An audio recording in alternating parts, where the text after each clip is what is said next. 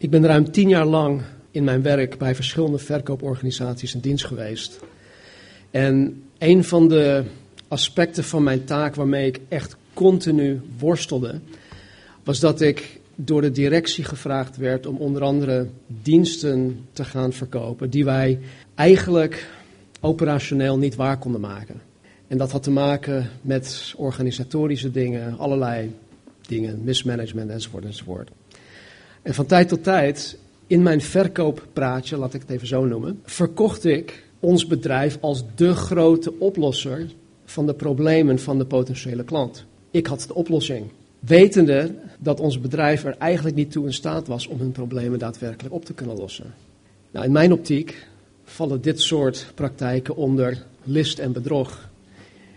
In onze, samen, in onze meetings werd er zelfs ook nog over, werden er grappen over gemaakt. Hè, firma list en bedrog enzovoort enzovoort. Helaas was dit gewoon de norm. Het was de manier hoe wij in deze harde zakenwereld zaken deden. Als ik nu de vraag stel of dit soort praktijken goed of slecht zijn, dan zullen we met z'n allen zeggen dat ze slecht zijn. Toch? Oké. Nou, daar ben ik heel blij mee, want God vindt het ook slecht. Nu dit. Als het voorkomen, of het voorkomen van, van dit soort praktijken in de zondige wereld waarin wij leven, als het, als het daar al slecht is, hoeveel slechter is het als zij voorkomen in Gods koninkrijk? Waar het op neerkomt is dit. Als vertegenwoordiger van het bedrijf beleid ik in mijn verkooppraatje iets specifiek. Maar vervolgens kan ik niet waarmaken wat ik beleden heb. Als vertegenwoordiger van het bedrijf heb ik dus niet gedaan wat ik zei dat ik zou gaan doen. In het Engels is er een, uh, een term, een gezegde. We must walk the talk. En met andere woorden, we moeten de daad bij het woord voegen. Wij moeten doen wat te zeggen. Kijk, zeggen en doen zijn twee. Beleiden en beleiden zijn twee. En Jezus leert ons een hoop hierover. Toen een aantal uh, schriftgeleerden en fariseeën bij Jezus kwamen om hem onterecht op, op de proef te stellen, zei Jezus tegen hen in Matthäus 15, 7 en 8 dit. Hij zei, huigelaars, terecht heeft Jesaja over u geprofeteerd toen hij zei, dit volk nadert tot mij met hun mond en eert mij met de lippen, maar hun hart houdt zich ver bij mij vandaan. God sprak door deze profeet Jesaja heen en zei dat de schriftgeleerden en de fariseeën wel de juiste beleidenis hadden en met hun, met hun mond en met hun lippen, maar dat hun daden, hun levenswandel daar dus niet mee overeenkwam. Jezus zei, wat we vorige week ook hadden gezien, in Matthäus 10, vers 32 en 33 dit. Ieder dan die mij beleiden zal voor de mensen, die zal ik ook beleiden voor mijn Vader die in de hemelen is. Maar wie mij verloochenen zal voor de mensen, die zal ik ook verloochenen voor mijn Vader die in de hemelen is.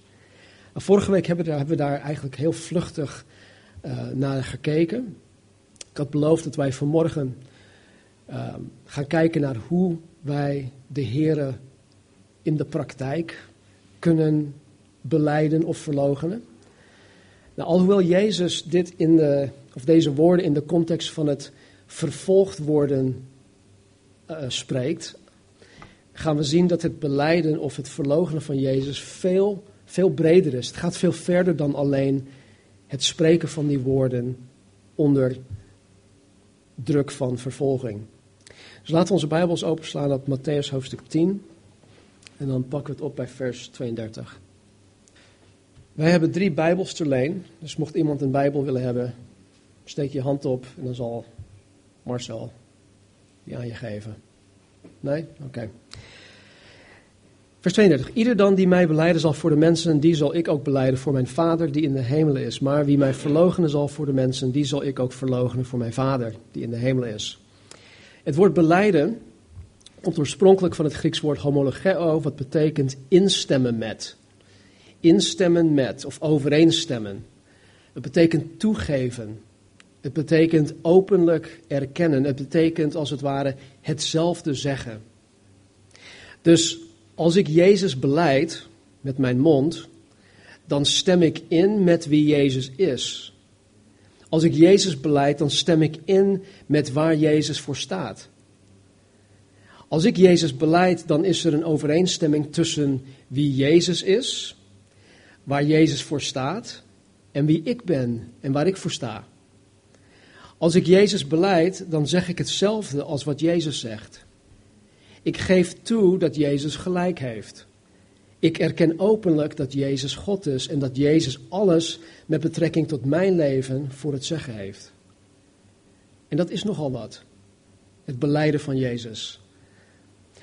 Het beleiden van Jezus is dus, um, of het moet per definitie tot uiting komen in wie ik ben. Het beleiden van Jezus moet per definitie tot uiting komen in wie ik ben. Het moet tot uiting komen in mijn gedrag, in mijn doen en laten, in waar ik voor sta en, en hoe ik in het leven sta. Als mijn beleidenis niet op deze manier in mijn leven tot uiting komt, dan moet ik mezelf ernstig afvragen of ik Jezus daadwerkelijk beleid. Het beleiden van Jezus voor de mensen, zoals Jezus dat hier zegt, is dus veel breder en gaat ook veel verder dan alleen de woorden die men uitspreekt wanneer men uh, door middel van geloofsvervolging onder druk wordt gezet. Dus laten we vanmorgen kijken naar uh, wat de Bijbel ons hierover wil leren. Nou, omwille van de tijd kunnen we slechts een aantal voorbeelden uh, gaan zien of noemen. Maar we kijken, kijken hoe ver we komen. Um, ik weet niet of het handig is om dit allemaal op te slaan. Ah, goed, ik, ik lees het gewoon voor. In Psalm 15, vers 1 en 2 staat dit. Koning David schrijft: Heere, wie zal verblijven in uw tent? Met andere woorden, wie mag bij u komen? Wie heeft toegang tot waar u bent? Wie zal wonen op uw heilige berg? Koning David vraagt wie in Gods aanwezigheid mag komen, wie fellowship, wie gemeenschap met God mag hebben. En dan beantwoordt hij de vraag met dit. Hij zegt, hij die oprecht wandelt en gerechtigheid beoefent, die met zijn hart de waarheid spreekt. Nou, zonder hier, hier al te diep op in te gaan, waar dit eigenlijk op neerkomt, is dat de handel en wandel van de beleidende discipel van Jezus eigenlijk um, het, het voornaamste is. De christen must walk the talk. Hij moet doen wat hij zegt. Hij moet naleven wat hij beleidt. In 1 Johannes vers, uh, hoofdstuk 2, vers 3, en 3 tot 6 staat dit. Hierdoor weten wij dat wij hem kennen. Weet je, 1 Johannes is een geweldige brief. Even terzijde. Het laat ons zien um, of wij daadwerkelijk zijn wie wij zeggen dat we zijn. Met andere woorden, als ik zeg ik ben een christen, dan geeft, dat geeft 1 Johannes het bewijs van die beleidenis. En hier zegt hij dus, hierdoor weten wij dat wij hem kennen. Namelijk als wij zijn geboden in acht nemen. Met andere woorden, als ik zeg ik ken Jezus, maar zijn geboden niet in acht neem, dan ken ik hem niet. Wie zegt ik ken hem en zijn geboden niet in acht neemt, is een leugenaar en in hem is de waarheid niet. Maar ieder die zijn woord in acht neemt, in hem is werkelijk de liefde van God volmaakt geworden. Hierdoor weten wij dat wij in hem zijn. Wie zegt of wie beleidt in hem te blijven, moet ook zelf zo wandelen als hij gewandeld heeft. Hier zegt Johannes dat degene die Jezus Christus beleidt, zelf moet staan waar Jezus voor staat. Hij zegt, degene die Jezus Christus beleidt, zelf moet handelen zoals Jezus heeft gehandeld. Zelf moet wandelen zoals Jezus gewandeld heeft. Johannes heeft het hier dus echt over een, een, een, een, levenswandel. Nogmaals, walk the talk. 1 Johannes 3, vers 18. Mijn lieve kinderen, laten wij niet lief hebben met woord of met de tong, maar met de daad en in waarheid. Het gaat God niet, het gaat God echt niet om lippendienst.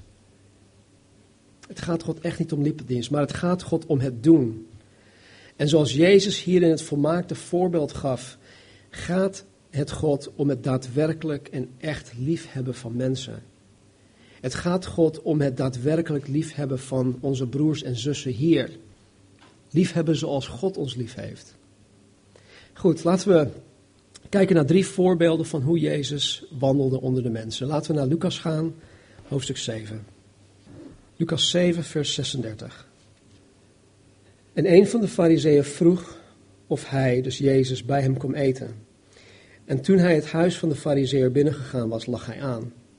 En zie, een vrouw in de stad die een zondares was, kwam te weten dat hij, Jezus, in het huis van de fariseer aanlag. En ze bracht een albasten fles met zalf mee, parfum. En staande achter zijn voeten begon zij huilend zijn voeten nat te maken met haar tranen. En ze droogde ze af met het haar van haar hoofd. En zij kuste zijn voeten en zalfde ze met de zalf. Toen de fariseer die hem uitgenodigd had dat zag, zei hij bij zichzelf, deze man, dus Jezus bedoelt, als hij een profeet was, als hij een profeet was, wil weten wie en wat voor vrouw het is die hem aanraakt, want zij is een zondares. Maar Jezus antwoordde en zei tegen hem, Simon, ik heb u iets te zeggen. En hij zei, meester, zeg het. Jezus zei, een zekere schuldeiser had twee schuldenaars. De een was 500 penningen schuldig, de ander 50. Toen zij niets hadden om te betalen, schold hij het hun beiden kwijt. Zeg dan, wie van hen zal hem meer lief hebben? Simon antwoordde en zei, ik denk dat hij het is aan wie hij het meeste kwijtgescholden heeft. En Jezus zei tegen hem, u hebt juist geoordeeld. En hij keerde zich om naar de vrouw en zei tegen Simon, ziet u deze vrouw? Ik ben in uw huis gekomen, water voor mijn voeten hebt u niet gegeven, maar zij heeft mijn voeten met tranen nat gemaakt en met het haar van haar hoofd afgedroogd. U hebt mij geen kus gegeven, maar vanaf het moment dat zij binnengekomen is, heeft zij niet opgehouden mijn voeten te kussen. Met olie hebt u mijn hoofd niet gezalfd, maar zij heeft mijn voeten met zalf gezalfd. Daarom zeg ik u, haar zonden die veel waren, zijn haar vergeven, want zij heeft veel lief gehad. Maar aan wie weinig vergeven wordt, die heeft weinig lief. En hij zei tegen haar, uw zonden zijn u vergeven. En zij, die mee aanlagen, begonnen bij zichzelf te zeggen, wie is deze die ook zonde vergeeft? Maar hij zei tegen de vrouw, uw geloof hebt u behouden. Ga in vrede. Tot zover. Nou, in dit verhaal hebben wij Simon de Fariseer. Hij had de juiste beleidenis. Hij geloofde in God, behoorde tot de, de topgroep van religieuze leiders. Dus hij had de juiste beleidenis, maar zijn levenswandel kwam niet overeen met zijn beleidenis. Dus dat is één, één persoon. Ook hebben wij een vrouw die door allen in haar stad bekend stond als een zondares. De tekst impliceert dat zij een vrouw van lichte zeden was. Nou, er zit veel meer in dit verhaal, maar het gaat mij er nu om hoe Jezus met deze vrouw omgaat. Ten eerste liet Jezus toe dat de vrouw bij hem kwam. Hij liet het toe. Ze kwam bij hem. Ten tweede liet Jezus het toe dat de vrouw hem aanbad. En wat deze vrouw deed was, was een geloofsdaad. Het was een daad van aanbidding. Ten derde vergaf Jezus haar zonde. Hij verzekerde haar van haar redding en hij bemoedigde haar om in vrede te gaan vertrekken. Volgende is in Johannes hoofdstuk 4. Laten we daar naartoe gaan. Johannes 4, bladzijde 1672 in de herziene statenvertaling. Ik ga veel lezen vandaag. Toen nu de Heer merkte dat de fariseeën gehoord hadden dat Jezus meer discipelen maakte en doopte dan Johannes, hoewel Jezus zelf niet doopte, maar zijn discipelen, verliet hij Judea en vertrok hij weer naar Galilea. En hij moest door Samaria gaan. Hij kwam dan bij een stad in Samaria, Sigar genoemd, dicht bij het stuk grond dat Jacob zijn zoon Jozef gegeven had. En daar was de bron van Jacob. Jezus nu ging vermoeid van de reis bij de bron zitten. Het was ongeveer het zesde uur, dus twaalf uur s middags. Er kwam een vrouw uit Samaria om water te putten. Jezus zei tegen haar, geef mij te drinken. Want zijn discipelen waren weggegaan naar de stad om voedsel te kopen. De Samaritaanse vrouw dan zei tegen hem: Hoe vraagt u, die een Jood bent, van mij te drinken, die een Samaritaanse vrouw bent? Want Joden hebben geen omgang met Samaritanen. Jezus antwoordde en zei tegen haar: Als u de gave van God kende en wist wie hij is die tegen u zegt: Geef mij te drinken, u zou het hem hebben gevraagd en hij zou u levend water gegeven hebben. De vrouw zei tegen hem: Meneer, of mijn heer, u hebt geen emmer en de put is diep. Waar hebt u dan het levende water vandaan? Bent u soms meer dan onze vader Jacob, die ons de put gegeven heeft en zelf daaruit gedronken heeft, evenals zijn kinderen en zijn kudde? Jezus antwoordde en zei tegen haar: Ieder die van dit water drinkt, zal weer dorst krijgen. Maar wie drinkt van het water dat ik hem zal geven, zal in eeuwigheid geen dorst meer krijgen. Maar het water dat ik hem zal geven, zal in hem een bron worden van water dat opwelt tot in het eeuwig leven. De vrouw zei tegen hem: Mijn heer, geef mij dat water, opdat ik geen dorst meer zal hebben. En niet hier hoef te komen om te putten. Jezus zei tegen haar: Oké, ga heen, roep uw man en kom hier. De vrouw antwoordde, zei tegen hem: Ik heb geen man. Jezus zei tegen haar: U hebt terecht gezet, gezegd: Ik heb geen man. Want vijf mannen hebt u gehad, en die u nu hebt, is uw man niet. Dat hebt u naar waarheid gezegd. De vrouw zei tegen hem: Mijn heer, ik zie dat u een profeet bent. Onze vaderen hebben op deze berg aangebeden, en bij u zegt men dat in Jeruzalem de plaats is waar men moet aanbidden. Jezus zei, tegen haar vrouw: Geloof mij, de tijd komt dat u niet op deze berg en ook niet in Jeruzalem de Vader zult aanbidden. U aanbidt wat u niet weet, wij aanbidden wat wij weten, want de zaligheid is uit de Joden. Maar de tijd komt en is nu dat de ware aanbidders de Vader zullen aanbidden in geest en waarheid. Want de Vader zoekt wie hem zou aanbidden. God is geest en wie hem aanbidden, moeten hem aanbidden in geest en waarheid. De vrouw zei tegen hem: Ik weet dat de Messias komt, die Christus genoemd wordt. Wanneer die gekomen zal zijn, zal hij ons alles verkondigen. Jezus zei tegen haar: Ik ben het die met u spreekt. En op dat moment kwamen zijn discipelen en, zijn, en zij verwonderden zich dat hij met een vrouw sprak. Toch zei niemand: Wat zoekt u of wat spreekt u met haar? De vrouw nu liet haar waterkruik staan, ging weg naar de stad en zei tegen de mensen: Kom, zie iemand die mij alles gezegd heeft wat ik gedaan heb. Zou hij niet de Christus zijn? Zij dan gingen de stad uit en kwamen naar hem toe. Vers 39.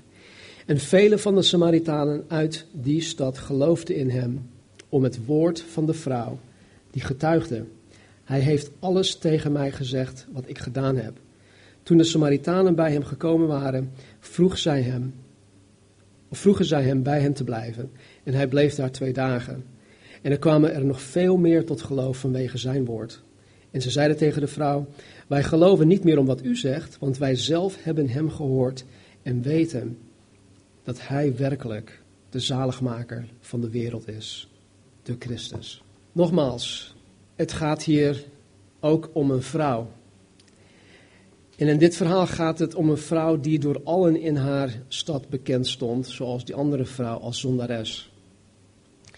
Kennelijk werd zij door de andere vrouwen van de stad afgestoten.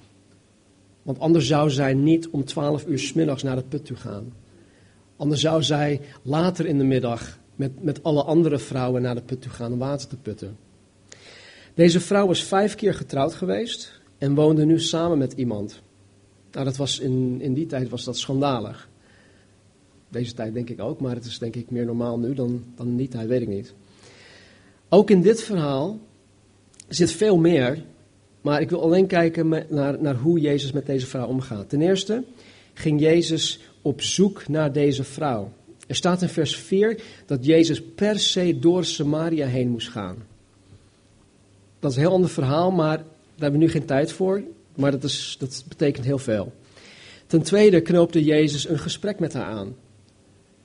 En in dit gesprek was Jezus heel direct met haar. Hij, hij, hij, hij sprak haar aan over haar levenswandel. Hij hield geen blad voor zijn mond. En wat Jezus bijna nooit had gedaan, of nooit deed, deed hij wel met deze zondige vrouw. Hij openbaarde zichzelf aan deze vrouw als de Messias. Hij sprak niet in raadsels, maar gewoon in duidelijke taal. Hij zei: Ik ben het. Ik ben het met wie u spreekt. Ik ben de Messias. Oké, even verder naar Johannes hoofdstuk 8. Johannes hoofdstuk 8, vers 1.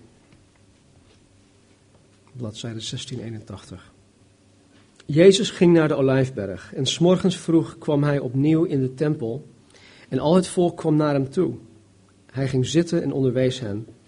En de schriftgeleerden, de fariseeën, brachten een vrouw bij hem die op overspel betrapt was. Of overspel. En toen ze haar in het midden hadden doen staan, zeiden zij tegen hem, Meester, deze vrouw is op heterdaad betrapt bij het plegen van overspel. In de wet nu heeft Mozes ons geboden zulke vrouwen te stenigen. U dan, wat zegt u? En dit zeiden zij om hem te verzoeken, opdat zij iets hadden om hem aan te klagen. Maar Jezus bukte en schreef met de vinger in de aarde. En toen zij hem dit bleven vragen, richtte hij zich op en zei tegen hen: Wie van u zonder zonde is, laat die als eerste de steen op haar werpen. En opnieuw bukte hij en schreef in de aarde. Maar toen zij dit hoorden en in hun geweten overtuigd waren, gingen zij weg, de een na de ander, te beginnen bij de oudste tot de laatste. En Jezus werd alleen achtergelaten en de vrouw die in het midden stond.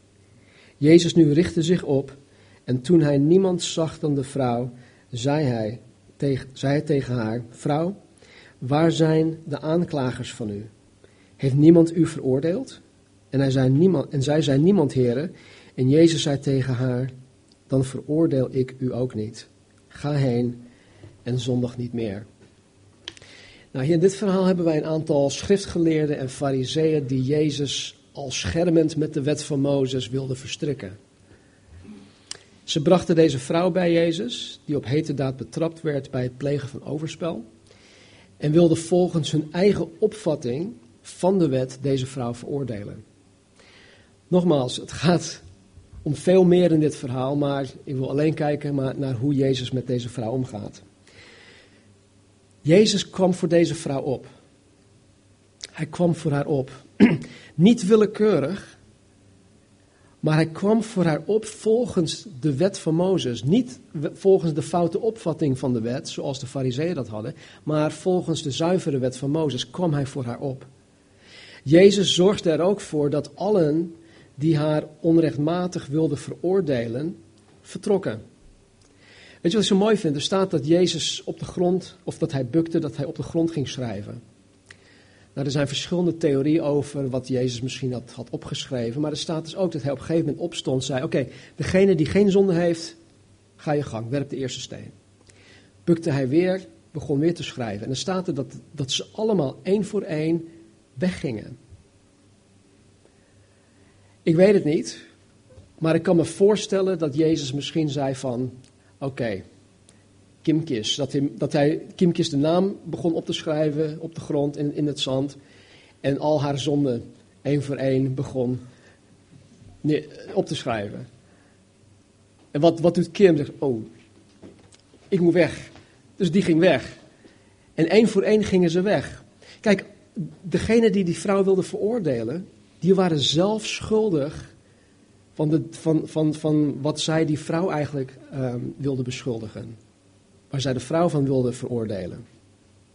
Goed. Hij zorgde ervoor dat zij één voor één vertrokken. En als laatste heeft Jezus deze schuldige vrouw niet veroordeeld. Maar hij zei wel: ga heen en zondig niet meer. Nou, in alle drie voorbeelden gaat het mij om hoe Jezus omging met zondige vrouwen, vrouwen van lichte zeden. Nu vraag ik me af hoe wij als christenen, hoe wij als gemeente met dit soort vrouwen zouden omgaan. Wij die Jezus Christus beleiden voor mensen. Jezus liet toe dat de vrouw in Lucas bij hem kwam. Zouden wij zo'n vrouw in ons leven toelaten? Zouden wij zo'n vrouw in ons leven toelaten met het oog op haar eeuwige redding? Jezus liet toe dat de vrouw hem aanbad. Zouden wij onze harten openstellen om zo'n vrouw met open armen te willen ontvangen, om Jezus in ons midden samen met haar te aanbidden? Jezus vergaf de vrouw haar zonde. Zouden wij zo'n vrouw kunnen zien als iemand die door Jezus vergeven is? Of zouden wij haar blijven zien als de zondares dat zij was? Jezus ging op zoek naar de Samaritaanse vrouw. Hij knoopt een gesprek aan het, met haar. Zouden wij ons uitstrekken naar bijvoorbeeld de prostituees om het evangelie te brengen? Kijk, dat is een bijzondere bediening. Dat, niet iedereen is daartoe geroepen, dat begrijp ik wel. Maar zijn we daartoe bereid? Of hebben we daar een afschuw van? Denk van, oh nee, eh, nee dat, is, dat is vies, ik wil me daar niet aan vuil maken. Jezus kwam voor de overspelige vrouw op. Hij veroordeelde haar niet. Zouden wij voor een overspelige vrouw in ons midden opkomen, of zouden wij haar veroordelen zoals de schriftgeleerden en de fariseeën hadden gedaan?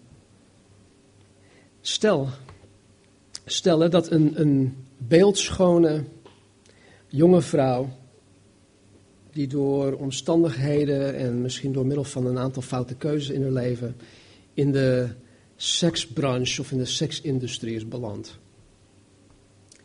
En stel dat zij zoekende is naar de betekenis van het leven. Stel dat zij naar, op zoek is naar, naar meer, misschien zelfs naar God. Maar dat zij ontzettend aan het worstelen is met haar verleden. Dat ze ontzettend aan het worstelen is met haar schuldgevoelens, met haar onzekerheid, met haar onwaardigheid. En stel dat zij bij ons, hier zondag, bij ons in de zondagsdienst komt. En dan niet één keer op een zondag, maar dat zij voor een langere tijd naar de diensten komt. Nu heb ik een paar vragen, een aantal vragen voor de vrouwen en ik heb een aantal vragen voor de mannen. Hoe zou jij als getrouwde of verloofde vrouw of als een vrouw die een vriend heeft met, met haar omgaan? Zou je haar in je leven toelaten? Of zou je haar liefst op een veilige afstand willen houden? Zou je haar actief helpen om Jezus te vinden, om Jezus te aanbidden? Of zou je achterdochtig zijn jegens haar en zou je haar liever verwerpen? Zou je ervoor zorgen dat, ja, dat zij weet dat vergeving van zonde mogelijk is in Jezus Christus? Of zouden haar zonde jou in de weg staan?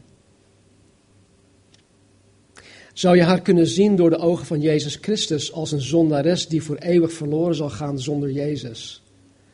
Of zou je haar zien als een bedreiging voor je man of voor je vriend? Kortom, komt jouw handel en wandel overeen met jouw beleidenis van Jezus?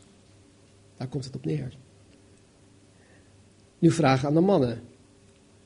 Hoe zou, je, hoe zou jij als man zijnde gehuwd of ongehuwd.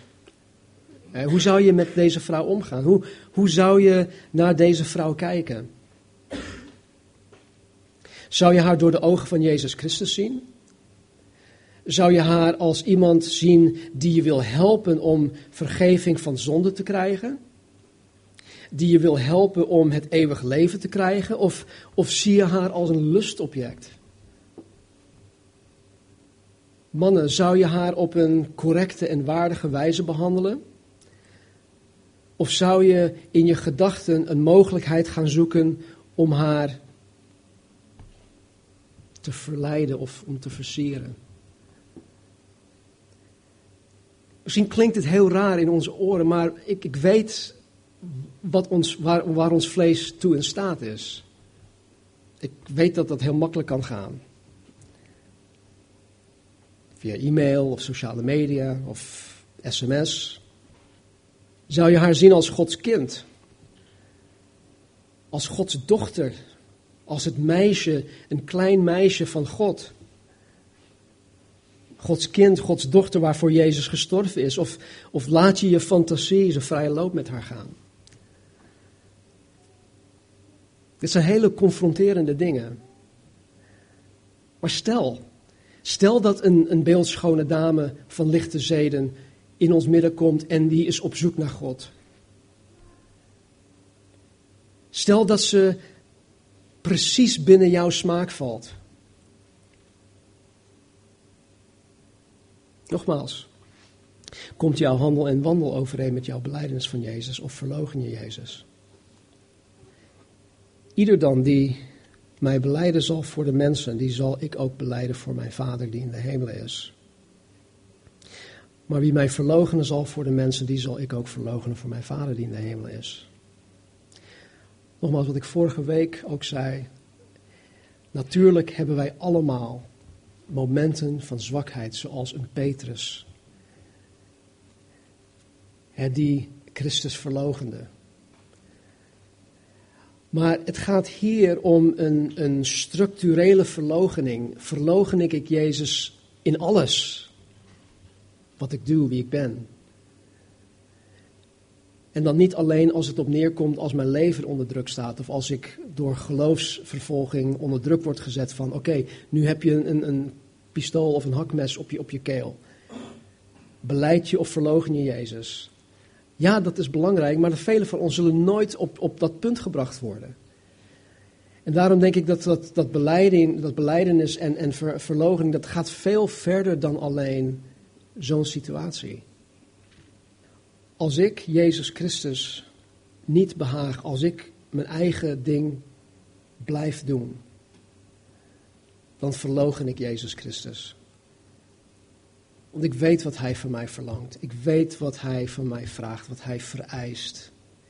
En zolang ik mijn eigen ding blijf doen, zolang ik de wereld achterna ga, zolang ik wereldse contacten blijf onderhouden waarvan ik weet dat ze slecht voor me zijn, dan verlogen ik Jezus Christus. Vriendschap met de wereld, zegt de Bijbel, is vijandschap met God. Hij zegt het niet voor niets. God weet veel beter dan wij. Wij denken wel, ja, maar dat, dat kan nog wel. Dat kan ik wel aan. Die vrienden of die vriendinnen of die contacten, dat, dat lukt mij allemaal nog wel. Maar op een gegeven moment kom je jezelf tegen.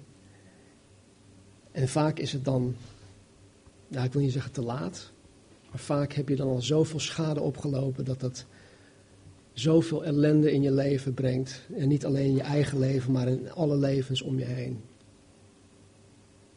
Toen David tegen, uh, toen David zondigde met Bathseba schreef hij Psalm 51, onder andere Psalm 51, ook, ook 38 denk ik. En in Psalm 51 zegt David, koning David, Heere, tegen u alleen heb ik gezondigd. En weet je, in, in, in zekere zin is dat 100% correct. Want wij zondigen tegen God. Maar wij zondigen ook tegen elkaar. En de vraag die ik mezelf altijd stel is: oké, door dit te doen, stel hè, dat, ik, dat ik nu kies voor een bepaalde zonde, als ik dit nu doe, en stel dat dat openbaar wordt, stel dat het kenbaar wordt bij, bij iedereen. Stan Marines, een voorganger van de Cross Culture Calvary Chapel, heeft dit gedaan. Dan zondig ik niet alleen tegen God, maar ik zondig tegen alle mensen die ehm, waar, waarop dit een invloed zal hebben. Waarop dit een impact zal hebben. En dat is nogal wat. Soms denken we van nee, joh, maakt niet uit, dit is mijn zonde, het is mijn secret. Ik doe niemand kwaad. Ehm. maar stel dat het openbaar wordt, stel dat het eruit komt, stel dat, het, dat mensen te weten komen waar je mee bezig bent. Hoeveel mensen zal dat treffen? Hoe, eh, voor hoeveel mensen zal dat een, een, een desastreuze impact hebben? Dus wij zondigen niet alleen tegen God, we zondigen tegen, tegen mensen. In het Engels hebben we de ripple effect. je gooit een steen in het water en dan heb je allemaal van die ringen. En dat gaat heel ver. En ook hoe wij Jezus Christus of niet beleiden of dat wij hem verlogen. Het is of het een of het ander. Als we hem niet beleiden, dan verlogen we hem. Het is zwart-wit in dat opzicht. Laten we bidden. Vader, dank u wel, Heer, voor uw woord. Dank u wel dat u zo duidelijk bent in wat u van ons verlangt, wat u van ons vereist. En Heer, ik weet dat u niet op zoek bent naar lippendienst. U wil ons hart. U wil onze volledige toewijding. En u wil, Heer, dat onze beleidenis, Heer, tot uiting komt in ons leven, in ons doen en laten, in ons gedrag en wie we zijn. Dus Heer, vergeef ons alstublieft als vertegenwoordigers van uw koninkrijk. Vergeef ons, Vader, voor de momenten van zwakheid. Heer, die hebben we allemaal. En Heer, we voelen ons zo rottig, Heer, wanneer we die momenten hebben. Dus vergeef ons alstublieft. En help ons, Heer, om, om steeds minder vaak die momenten van zwakheid te hebben. Heer, vergeef ons waar onze handel en wandel structureel niet overeenkomt met onze beleidenis. Waar wij misschien verblind zijn of misleid zijn over dingen in ons leven. Heer, schijn met uw licht in ons hart, Heer, in de plekken, op de plekken waar, waar wij dingen verborgen houden. Help ons, Heer, om steeds meer te lijken op U, dat onze handel en wandel steeds meer overeenkomt met onze blijdenis. Help ons, Heer. Wij moeten de daad bij het woord voegen, Heer. We must walk the talk. En als we dit niet doen, dan doen wij het tegenovergestelde. Dat is dat wij U, Jezus, verlogenen. En Heer, ik geloof niet dat wij dat willen. Help ons, Heer, we zijn zwakke mensen. We hebben U nodig. Dus help ons. Help ons, geef ons kracht. Heer, stort uw Heilige Geest opnieuw, Heer, over ons heen. Was ons, Heer, met het bloed van Jezus. Laat ons hervormd worden, Heer, door het vernieuwen van ons denken. Kom ons tegemoet. Help ons, Heer, om zelfs het te willen. Want, Heer, de Bijbel is zo eerlijk over zonde dat, dat de Bijbel zelf zegt dat er plezier is in zonde, alhoewel het tijdelijk van aard is. En waar wij, sommige van ons heren, misschien bepaalde zonden gewoon koesteren, omdat we het fijn vinden. Heer, schenk ons bekering. Help ons, Heer. We hebben u nodig. Doe met ons, Heer, wat u wil. In Jezus' naam. Amen. Amen. Laten we staan. Johannes zegt in 1 Johannes 1, 6 dit. Als wij zeggen dat wij gemeenschap met Jezus hebben en wij toch in de duisternis wandelen, liegen wij en doen de waarheid niet. En dezelfde Johannes op een hele oude leeftijd, hij was waarschijnlijk een jaar of negentig, misschien wel ouder, zegt, ik heb geen grotere blijdschap dan hierover. Dat ik hoor dat mijn kinderen in de waarheid wandelen. Weet je, dat is zo gaaf. Ik ben nog niet zo oud. Maar als voorganger heeft God mij een bepaald eh, hartsgesteldheid gegeven jegens zijn kudde. En ik kan me voorstellen wat Johannes hier zegt. Ik heb geen grotere blijdschap dan hierover dat ik hoor dat mijn kinderen in de waarheid wandelen. Mogen jullie deze week doordrongen worden door het feit dat Jezus Christus jullie en ieder van jullie gekocht heeft met zijn bloed. Dat het hem heel veel gekost heeft. Wij zijn duur gekocht. En dat wij Jezus beleiden niet alleen in woord, of met de tong, maar in daad en in werkelijkheid. Iedereen zien dat Jezus in je woont. Omwille van zijn naam. En hij komt heel snel terug. Ik geloof dat echt. Kijk maar om je heen.